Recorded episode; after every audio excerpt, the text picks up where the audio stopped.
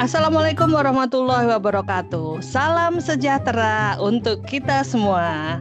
Hello, how are you today? Ketemu lagi di podcast Three Teachers Talk.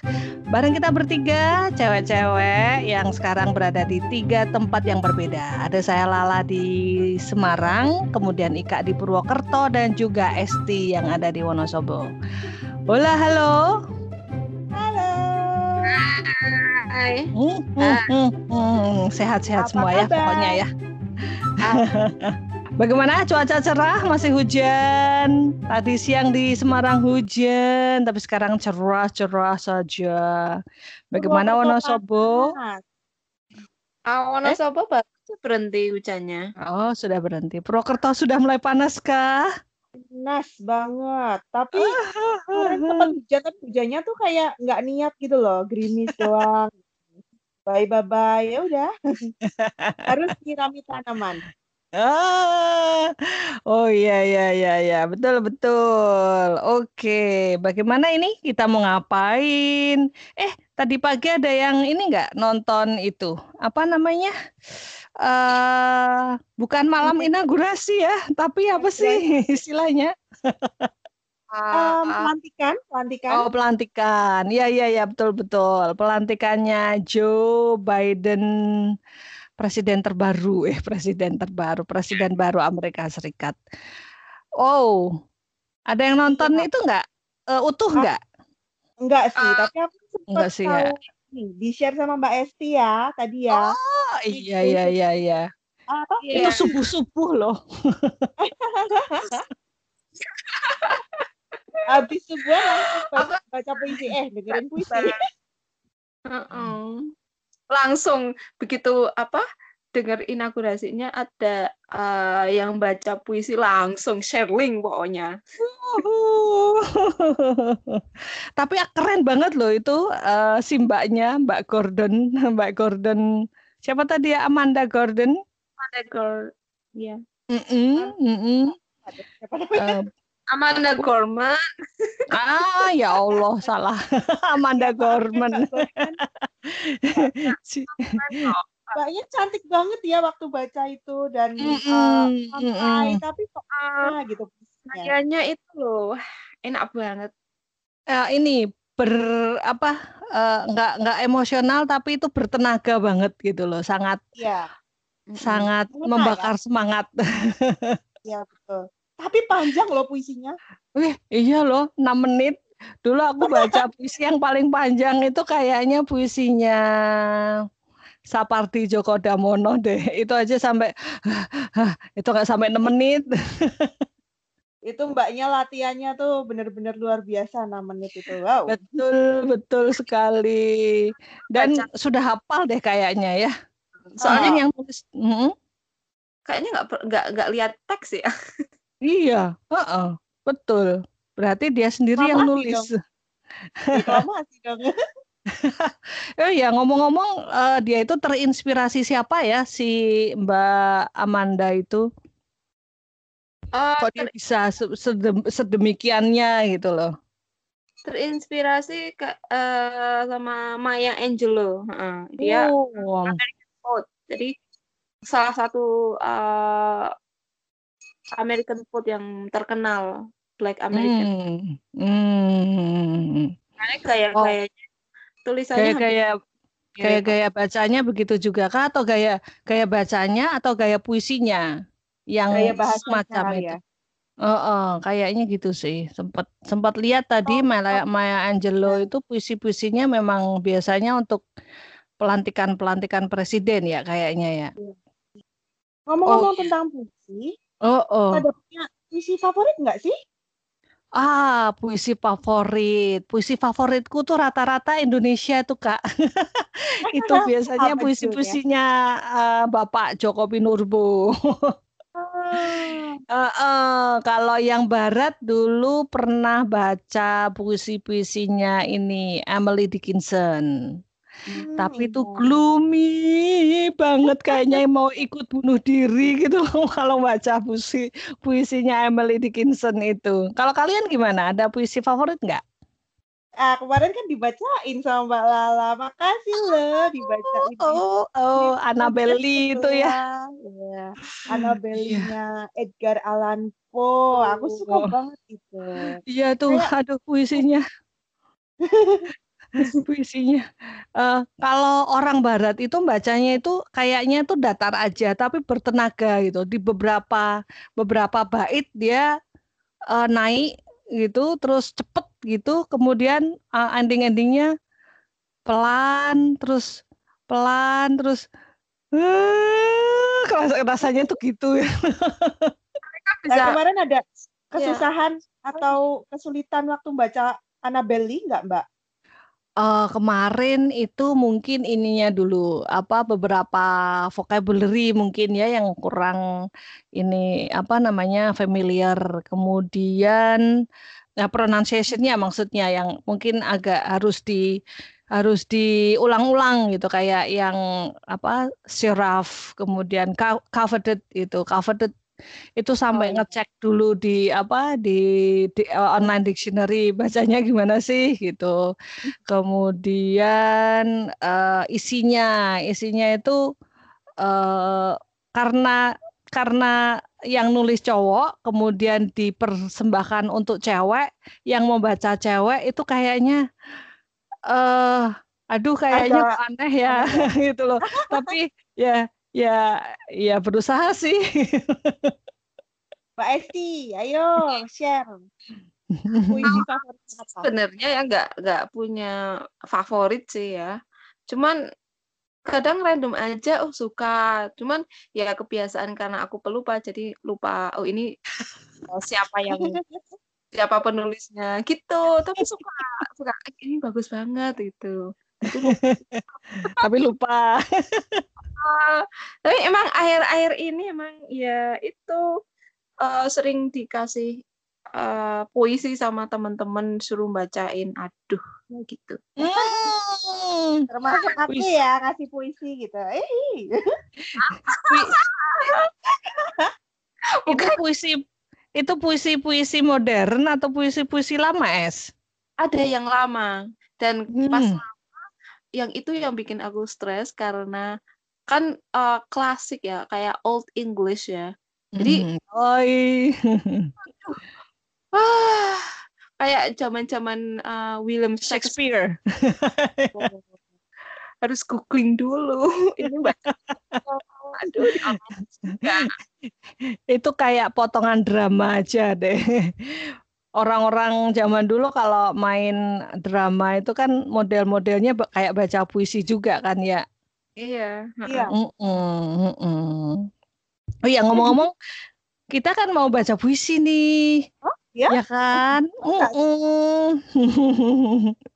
Masing-masing dari kita mau bacain puisi satu aja.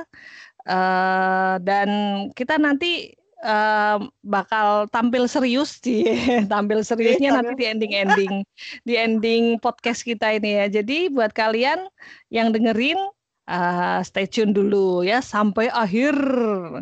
Tapi yang jelas kita nanti mau ngomongin tentang eh, puisi-puisi yang bakal kita baca di podcast kita kali ini.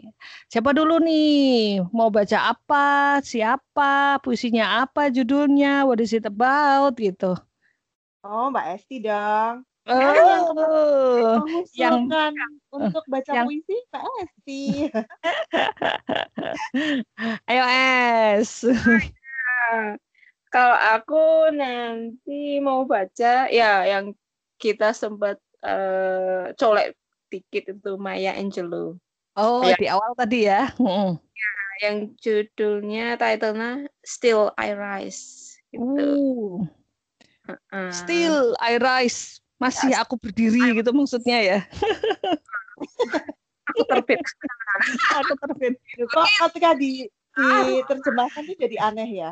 Iya, karena eh, apa namanya ada aja itu. eh, kalau misalnya kita mau ini ya, mau membedah, Ci, mau membedah puisi itu orang-orang mungkin bisa mengambil dari sisi simbolisnya, kemudian juga arti literarinya itu apa, kemudian eh, banyaklah eh, apa namanya eh, sisi-sisi yang bisa di yang bisa digali, bisa dikupas dari sebuah puisi. Kalau misalnya kita mau menerjemahkan Still I Rise-nya Maya Angelou itu dengan aku tetap berdiri gitu ya, ya embuh gitu. Mungkin diganti kata bangkit gitu ya. Ya mungkin ya bangkit gitu. Terus gimana es? Langsung, langsung dibaca aja atau gimana gitu. Kayaknya enak didiskusikan dulu deh. Itu puisi tentang apa sih Mbak? Mm -mm. Biar uh, pendengar tahu itu puisinya tentang apa dulu gitu. Mm -mm. Apa sih judulnya Still I Rise tadi ya? Yes, jadi itu uh, tentang itu diambil dari personal you know experience-nya dari Maya Angelou yang tentang inequality kan inequality hmm. uh, dulu uh, kayak racial injustice di Amerika yang uh, apa racial injustice orang Afro American dan hmm. uh, jadi di sini dia uh, temanya tuh untuk mengangkat gitu loh bahwa orang kulit hitam tuh bisa bangkit gitu loh. Dari mm-hmm. bisa bebas oh, merdeka gitu. jadi uh, uh, kayak Karena dulu kan banget gitu ya? Uh, uh, mereka jadi kan ini berangkat dari slavery gitu. Jadi mm-hmm. dia so nothing can stop her from apa rising. Oh. Uh, despite uh, her skin color. Kan dulu kan tahu hmm. sendiri kan orang kulit hitam hmm, bagaimana mereka mencari apa striving for their position itu ya equality-nya lah ya, dia equality-nya uh, uh, dia kayak bahwa kita harus bebas harus merdeka uh, hmm. menghapus slavery bahwa walaupun uh, mereka kulit hitam tapi mereka bisa equal di Amerika hmm. Hmm. Oh. Itu ah. itu dibikin tahun berapa tahu guys? Itu dibikin tahun berapa ya? Wah, kepeannya nggak ada.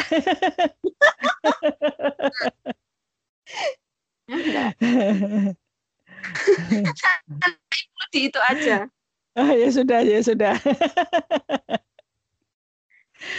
Oke, untuk lengkapnya puisi-puisi ya, puisi Still I Rise by Maya Angelou nanti bakal muncul di bagian akhir podcast kita hari ini. Kalau eh, Ika eh, ngomong-ngomong hmm? belum, aku belum selesai tanya.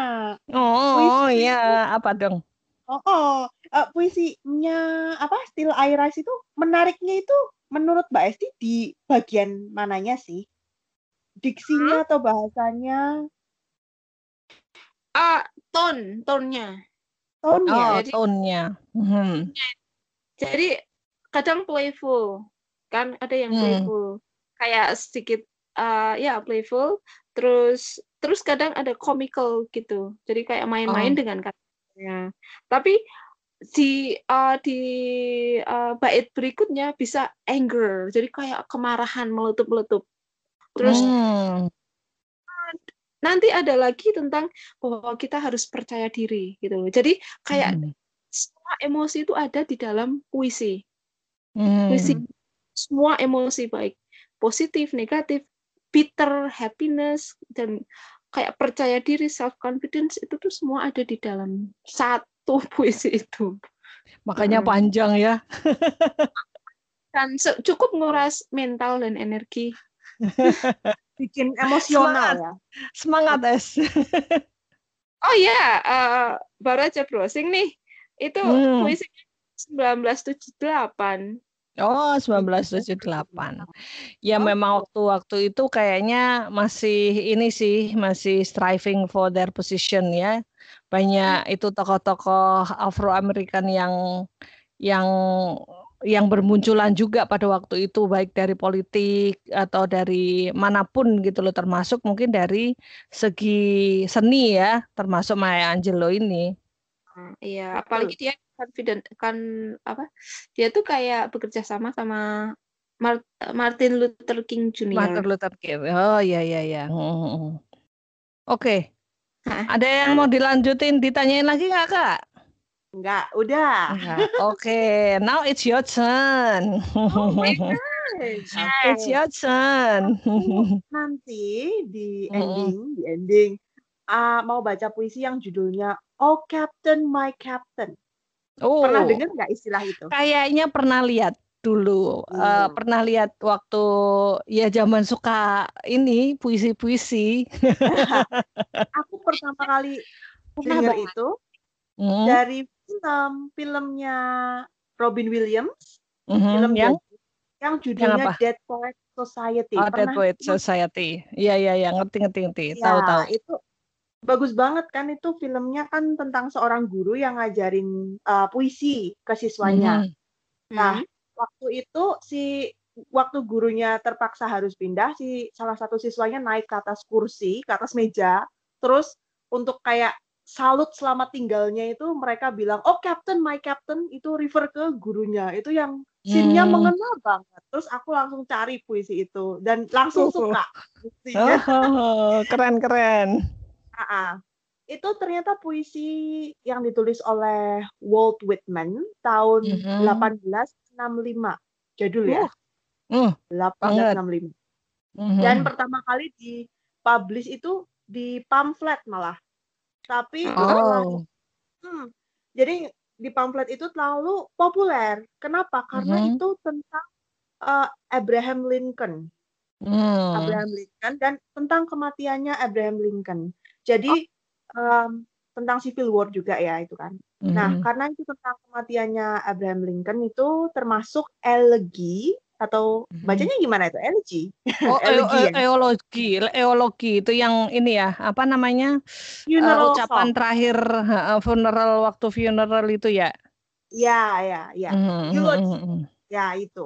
Nah, funeral song itu. Jadi karena sebenarnya kan itu kan intern banget ya, American banget, sangat sangat nasionalis patriotik Amerika, tetapi populer di dunia karena Mhm. bahasa figuratifnya itu sangat kuat dan dianggap sangat artistik.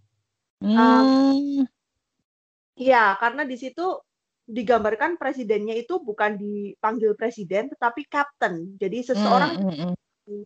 mentor atau guru yang meninggal dan kita menyatakan penghormatan kita dengan eh, yang tersirat di puisi itu itu rasa cinta terhadap si Hmm.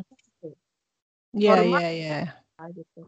Nah, dianggap artistik sendiri itu karena dia pakai eh, puisinya ya. Puisinya itu Mhm. memakai istilahnya em, apa? literary devices. Ada tujuh Mhm. literary devices yang dipakai di situ Mhm. dan juga pakai poetic devices.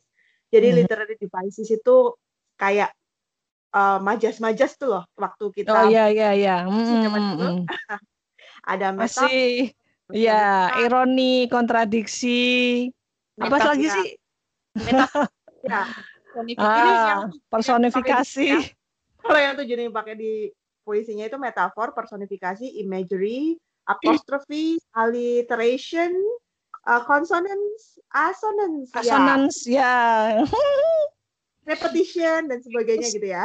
Ya, ya, ya, ya. Ah, Tadi aku juga eh, browsing di tempat yang sama. Jadi kenapa puisinya bisa terkenal banget dan mengena banget itu karena strong, sangat strong secara artistik dan secara uh, bahasanya karena menggunakan banyak repetition pengulangan dan em, powerful kuat banget uh, apanya ya yang diutarakan itu niatnya itu apa gitu tuh kentara Hmm. banget. Jadi Hmm, sangat hmm, hmm. mengena. Itu ada kesulitan nggak waktu membaca kemarin? Enggak sih karena Mhm, bahasanya enak.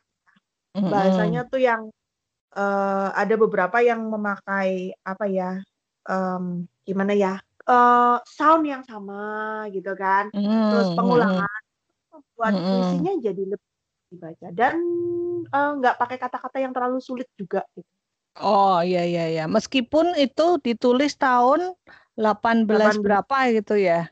ya Tapi- Hmm. gitu aku juga heran itu kok bahasanya juga nggak terlalu susah gitu Dibanding yang kemarin itu yang yang kamu eh, send itu ada yang dine, ada yang watered itu tapi nggak pakai iya itu Kan? ah ah aduh ini harus cari ke mana referensi baca puisi begini Iya. Jadi pronunciation-nya dicari. Ya. Nah, itu yang kalau secara emosi waktu membaca gimana kak Secara emosi tuh lebih ke kayak apa ya? Kok aku jadi bayanginnya tuh scene-nya di Harry Potter waktu Harry Potter tuh hilangin kehilangan Dumbledore gitu loh. Yang kayak kehilangan seorang mentor, guru Iya, yang iya, iya. gitu. Yang kayak dia kehilangan arah. Oh, Captain gitu kan yang uh, sedih gitu. Kenapa jadi Harry Potter lagi ya? entahlah. ya ya begini nih kalau Potterhead kumpul Ya, pasti ada aja yang bisa dikaitkan. Iya betul karena gini eh, sebenarnya nggak cuman ada di scene mana pun di film apa pun karena masing-masing dari kita ini punyalah satu sosok yang kita sebut sebagai captain itu seseorang yang yang yang mementori kita yang kita respect sekali gitu. Ketika seseorang itu pergi itu mesti akan terbawalah suasana yang yang seperti itu tadi eh, yang Ika bilang bahwa someone someone is going away gitu. Meskipun nggak nggak nggak nggak nggak selalu bermaksud uh, passing away ya pass away gitu. Tapi pergi dari satu uh, lingkungan satu grup ketika kita uh, apa namanya menganggap bahwa sosok ini itu sangat uh, mempengaruhi kita gitu menginspirasi kita lah inspirasi kita tiba-tiba pergi nah itu tuh kayaknya sangat dekat uh, di di di setiap uh, di setiap kehidupan kita juga gitu loh. Nggak cuman Iya. waktu uh, Harry kehilangan Dumbledore, ketika kita kehilangan, taruhlah uh, apa namanya waktu kita uh, di di sebuah di sebuah komunitas, kemudian ketuanya ini pergi gitu. Terus ya. piye gitu. Kayak Nah, kayak- kayak begitulah. gitu ya. Iya, iya kayak begitu. Meskipun nanti ada penggantinya, tetap aja gitu loh kan, pasti ada penggantinya. Ataukah penggantinya kita sendiri kan nggak tahu juga. Sombong banget. Heeh. Oke, Ya, giliran Mbak Lala. iya. It's Mau, Mbak? Oke, eh, sebentar aja ya karena waktunya juga semakin mepet ternyata. Ke bawah. Oke, iya. Ini eh, aku mau baca puisinya Henry Wadsworth Longfellow. Gimana? Dong. Henry Wadsworth Longfellow. Hmm. Oke. Eh, judulnya The Arrow and the Song. Ini pendek banget, hanya terdiri dari tiga stanza. Masing-masing stanza itu hanya empat empat baris. Tadi iseng tak hitung dari satu baris itu ada apakah apakah semuanya menggunakan enam kata? Ternyata enggak. Kayak haiku, seperti haiku berarti kalau misalnya sama gitu loh. Ternyata enggak, cuman tiga stansa, masing-masing empat ini empat eh, empat baris dan eh, kebetulan berima A A B B gitu. Nah itu sesuatu yang yang aku suka juga kebetulan. Jadi kayak eh, ABAB atau AABB itu biasanya eh, rhyme-nya nursery rhyme-nya si Roald Dahl itu rata-rata yaitu juga kalau nggak ABAB AABB gitu. Cuman kalau baca puisinya Roald Dahl itu super panjang. Aduh, revolting rhymes masih ingat. Revolting rhyme. Nah, ini kok kebetulan eh, tiga tiga penyair yang kita bahas di podcast kita kali ini semuanya berasal dari Amerika. Oh iya ya. Iya, Hmm, apa karena ini berhubungan dengan dilantiknya John Biden? Nggak tahu ya, nggak sengaja. kebetulan kayaknya. Ya, Henry Wadsworth Longfellow ini berasal dari Amerika Serikat juga dan kayaknya dia satu angkatan sama ini deh Whitman tadi ya. Karena dia kelahiran tahun 1807 dan meninggalnya tahun 1882 sekitar 75 tahun. Tapi kalau dilihat-lihat uh, puisinya yang paling uh, populer itu bukan yang The Song and the Arrow, tapi The Song of Hiawatha. Tapi belum sempat nyari sih, tapi The Song of The Song ayah lupa saya. the Arrow and the Song ini sangat related dengan kehidupan kita sampai sekarang. Karena banyak itu tadi yang kayak Ika bilang uh, dari simbolnya, kemudian imajerinya, kemudian uh, diambil dari sisi personifikasinya itu sangat uh, related dengan kehidupan kita sekarang gitu. Jadi kayak ini semacam the song, eh, sorry, the arrow and the song itu kayak semacam arrow itu menyimbolkan kata yang nggak enak gitu loh. Yang hmm. kalau kalau bahasa bahasa bahasa anak muda sekarang itu lambe turah itu loh, lambe-lambe yang suka julid. Nah, itu di ero. Jadi kata yang eh, kayak kata atau eronya itu dilepas dari busur cung gitu. Kemudian nancep Nah, nancepnya itu ke hati yang nggak enak gitu. Kemudian oh. perbandingannya dengan the song. The song itu kan sesuatu yang enak didengar. Nah, itu adalah kata-kata yang enak didengar juga gitu. Jadi kayak ini apa namanya eh, kata itu kan kayak dua mata pisau ya. Jadi yang kalau ketika dia menjadi arrow ya sakit hati. Tapi kalau ketika kata itu menjadi song, nah dia akan tinggal di hati setiap orang itu dengan enak gitu loh, pleasing gitu, kind and pleasing words gitu. Nah itu the songnya. Jadi semacam simbol-simbol yang digunakan oleh si Wordsworth ini sangat related dengan apa yang sedang terjadi di dunia sosial media sosial kita sekarang hmm. gitu. Keren banget. Padahal ditulis tahun 18 something lah. Nggak nggak nggak eh, nggak tahu sih tepatnya kapan. Tapi ternyata dari dulu sampai sekarang pun ya model orang masih lidah tidak Sama bertulang aja. tidak bertulang gitu sekarang malah tambah-tambah lagi itu kan. Jari tidak bertulang. Loh bertulang harusnya ya. Tadi yang Mbak udah cerita itu puisinya tentang apa? Nah itu tadi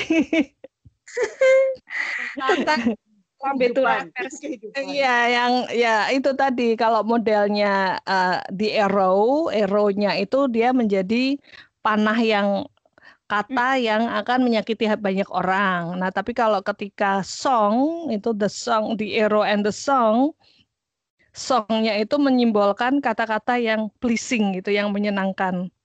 Berarti untuk memahaminya ya kita harus dengerin Mbak Lala baca dulu. Iya, semuanya oh, kan. Punya kesimpulan itu untuk puisi itu.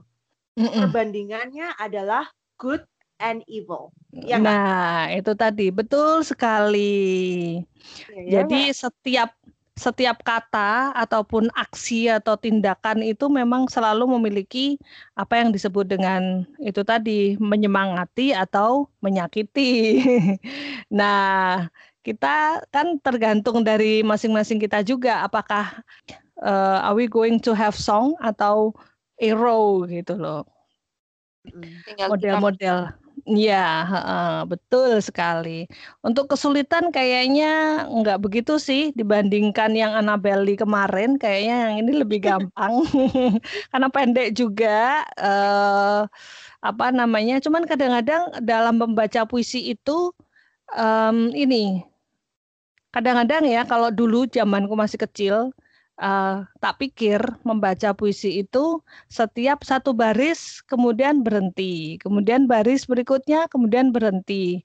Tapi semakin hmm. ke sini kayaknya uh, enggak juga gitu loh. Semua aturan-aturan yang dulu pernah aku yakini itu ternyata enggak gitu karena ya itu tadi ada juga yang beberapa puisi yang uh, bisa panjang satu satu satu barisnya tuh bisa panjang banget. Atau bahkan cuman satu kata satu kata kayak puisinya Sutarji uh, Sutarji Kolzom Bahri tahu nggak ya? Puisinya Sutarji itu cuman satu kata kata kata kata kata kata bawah gitu. Uh, semakin terus tuh bawainnya gimana? Ya mungkin karena aku awam banget ya dari itu ya dari perpuisian. Nah seperti itu. Uh, ini juga hampir sama uh, puisinya di Ero and the Song ini. Karena dia harus AB AABB atau ABAB jadi uh, apa namanya di di baris pertama itu apa, kemudian baris keduanya itu biar sama dengan baris pertama karena dia AA. Nah, itu kan pemenggalannya pemenggalannya bukan kalimat gitu loh. Uh, ngerti nggak? Yeah. Ngerti you get what I mean ya. Nah, itu yeah, jadi yeah, yeah. Uh, uh, lah kalau misalnya mau maksa rhyme biar terdengar rhyme-nya berarti kan harus berhenti di sini biar nanti kedengaran. Nah, itu loh. Ah, itu mungkin yang yang PR untuk untukku. untuk kalian nggak tahu isinya sih. nah, ngomong-ngomong itu, zaman kuliah gimana tuh uh, mata kuliah uh, puisi? Dapat nggak? Dapat. Dapat. Uh, dapat ya. Kan, Meskipun pendidikan, pendidikan ya. Ika tetap dapat ya, Kak ya. Intro Oh, intro. Oh, oh intro. Tapi intronya sampai dua kali. Intro tuh kan intro. intro tuh dua. Intro intro to poetry. ah, intro to poetry. Atau poetry analysis ya. Lupa oh, pokoknya gitu. intro to poetry bla bla bla. Ah, ya ya ya ya. Ya, gimana? Zaman kuliah seneng-seneng aja nggak sih baca puisi atau pelajaran mata kuliah puisi?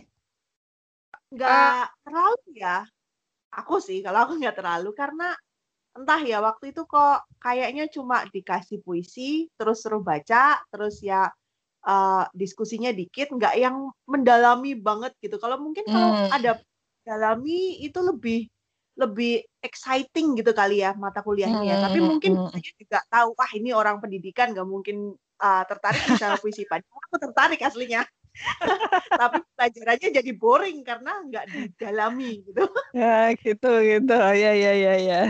Es gimana es? aku sebenarnya tertarik sih, cuman kan ada dua jenis ya, yang pakai Old English sama modern ya. Kalau aku hmm. lebih modern karena you know Old English kan bahasanya kan kadang-kadang totally different gitu loh, Mbak. Jadi kita googling dulu ini ini apa puisi pronunciation-nya gimana gitu. Jadi apa juga kita bingung karena kita nggak terlalu paham itu hmm. uh, bahasa bahasanya bahasa Old English nah. Jadi kita me untuk memenggalnya tuh susah. Nah. Kalau kita memenggalnya kayak yang Mbak Lala tadi bilang kan, walaupun kita menggalnya dalam enggak dalam satu kalimat utuh, tapi setidaknya kan kita tahu ya. Oh ini hmm. tuh yang mana gitu modern.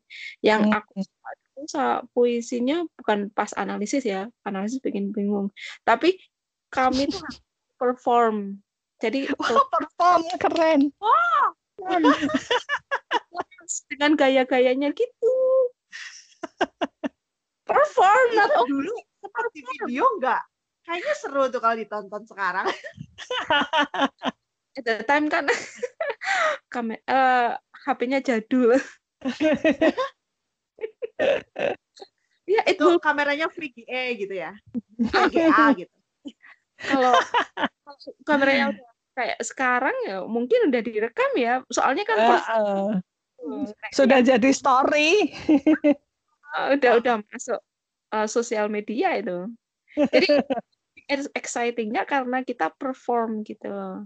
Hmm, hmm, hmm, hmm.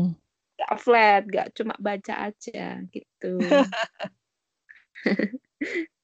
ya aku Kalau aku iri loh sama anak sastra dulu. Oh, Karena kenapa kak? Drama, puisi gitu, drama terutama. Itu drama. perform coba. Anak pendidikan oh. cuma di intro tuh drama apa kayak gitu. Oh. Ya itu kita kan punya satu semester untuk mempelajari itu, kenapa nggak perform gitu? Kalau aku lebih senang perform kan, meskipun kita anak. Ya. tapi itu drama hello gitu. Kita cuma baca doang di kelas, apa aslinya? Gosh. Kami perform kak kami perform terus kami eh, harus bikin dulu skripnya gimana kami latihan eh apa ya latihan itu latihan perform drama Hmm, Perform ngajar doang. jadi itu namanya practice teaching.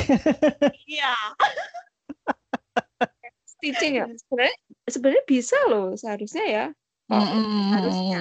kalau Kalau anak so- menurut harusnya tetap ya. Mm-mm. Cara dikasih satu semester loh untuk kita Iya, betul. iman Mak. Mm-mm. hanya sekedar baca doang Iya. Wes. Kalau aku gini, eh, cerita dikit ya. Jadi aku dulu zaman kuliah itu kan udah kerja. Jadi mau bikin laporan terakhir itu eh, mau pilih antara mau novel atau eh, puisi atau drama apalah itu.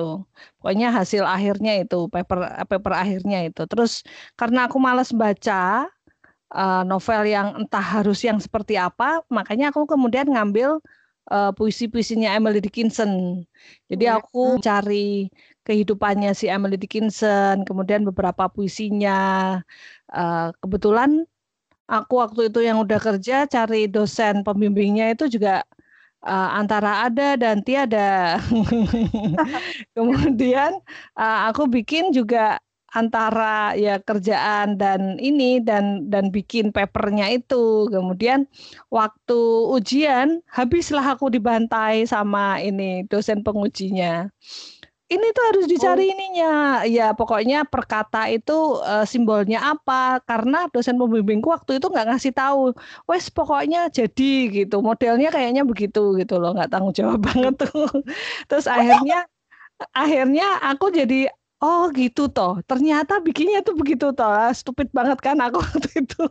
Hmm. tapi kemudian oh ternyata begini. Asik juga ternyata. Nah terus eh, jadi itu udah selesai ini udah selesai ujian. Baru aku menemukan keasikan membedah sebuah puisi. Dan lucunya lagi waktu itu kan aku ngajar eh, satu level itu ada sebuah puisi sebagai awal pengenalan topik. Aku ingat waktu itu judulnya Richard Cory. Richard Cory itu puisinya siapa aku lupa, tapi ada yang dinyanyiin oleh uh, penyanyi jadul Paul Simon and Art Garfunkel kalau nggak salah. Nah itu uh, kayaknya modelnya cerita Richard Cory itu ending-endingnya itu bunuh diri gitu loh. Cuman karena karena uh, puisi dia kan pasti menggunakan kalimat-kalimat figuratif gitu kan. Eh, ini menyimbolkan ini, ini menyimbolkan itu. Kemudian aku ajak tuh anak-anak muridku tuh, eh ini loh kita bedah yuk gitu. Saking semangatnya karena aku gagal gagal dalam eh, apa namanya membedah puisi paperku sendiri, makanya anak-anak tuh tak tulari gitu. Maksudnya gitu. Anaknya pada gini. anak-anak pada gini, ngapain sih Miss? ngapain sih? Dia kurang Jadi- kerjaan. Makanya aku ketika kita membahas puisi, nah aku jadi inget pengalamanku waktu itu maksa murid untuk membedah puisinya Richard Cory. Masya Allah, nih murid pada blank semua. membedah puisi nih. Memakan korban murid. Saya makanya waktu itu, oh, kok nggak berhasil? Ya sudah. Akhirnya ya begitulah. Terus terlupakanlah itu puisi-puisi. Sampai akhirnya ya itu kenalan dengan beberapa eh, penyair-penyair Indonesia yang kayak Joko Pinurbo itu yang mm, paling favorit lah. Lain kali kita baca puisi Indonesia aja yuk. Boleh, boleh. Oke. Bahas bahasa Inggris loh. Iya, betul. Oke. kita udah ngobrolin tentang tiga puisi yang nanti bakal kalian dengar di eh, di bagian akhir uh, podcast Three Teachers Talk hari ini. Yang pertama tadi ada Maya Angelou dengan puisinya berjudul Still I Rise yang bakal dibacakan oleh Esti. Kemudian Oh Captain My, My Captain, Captain. Uh, yang akan dibawakan oleh Ika dan yang terakhir nanti ada puisi The The Arrow and the Song yang akan saya bawakan sendiri. Oke, terima kasih sudah mendengarkan. Jangan lupa dengerin sampai sampai akhir ya. Kita bertiga segera pamit undur. Lala yang ada di Semarang, Ika yang ada di Purwokerto, dan Esti yang ada di Wonosobo. Oke, okay, I'll see you again on the next podcast. Wassalamualaikum warahmatullahi wabarakatuh. Bye. See you. Yeah, bye.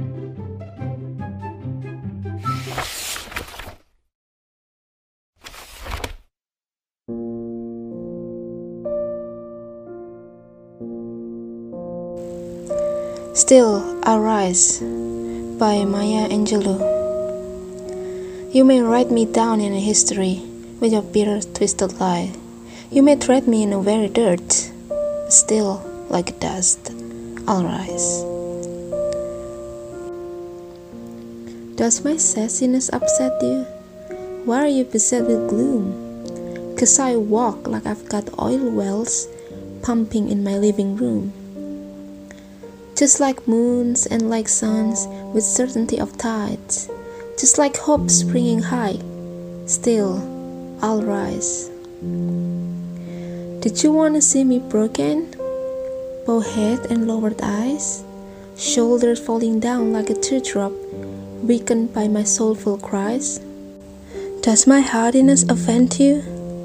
Don't you take it awful hard? Cause I'll laugh like I got gold mines digging in my own backyard. You may shoot me with your words. You may cut me with your eyes. You may kill me with your hatefulness. But still, like air, I'll rise. Does my sexiness upset you? Does it come as a surprise that I dance like I've got diamond at the meeting of my thighs? Out of the huts of history shame, Arise, up from a past that rooted in pain. Arise. I'm a black ocean, leaping and wide, welling and swelling I bear in the tide. Leaving behind nights of terrors and fear, Arise. Into a daybreak that's wondrously clear, Arise. Bringing the gifts that my ancestor gave. I'm the dream and the hope of the slave. Arise, arise, arise.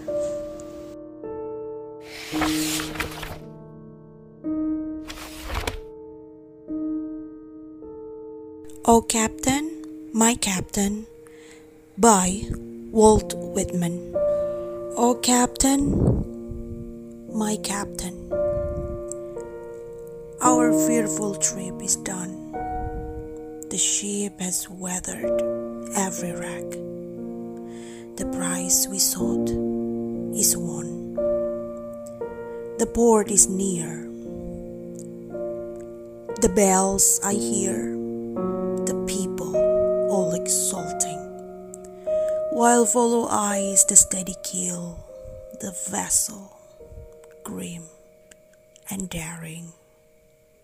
But oh, heart, heart, heart, Oh, the bleeding drops of red, where on the deck my captain lies, fallen, cold, and dead. Oh, captain, my captain, rise up and hear the bells. Rise up, for you the flag is flung, for you the bugle trills, for you bouquets and ribbons frets.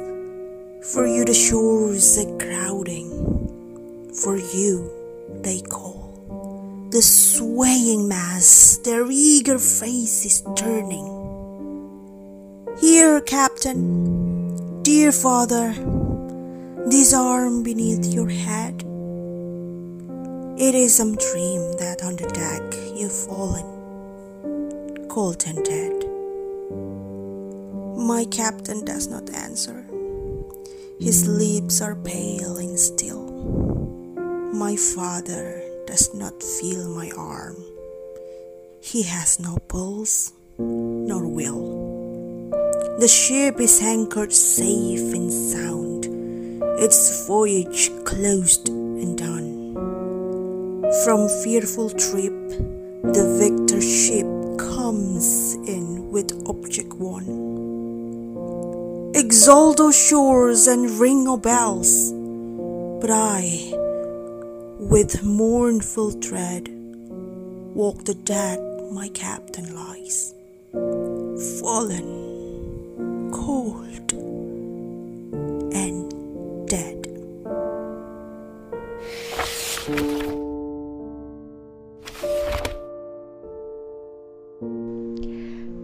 The Arrow and the Song by Henry Wadsworth Longfellow. I shot an arrow into the air. It fell to earth, I knew not where. For so swiftly it flew, the sight could not follow in its flight. I breathed a song into the air. It fell to earth, I knew not where.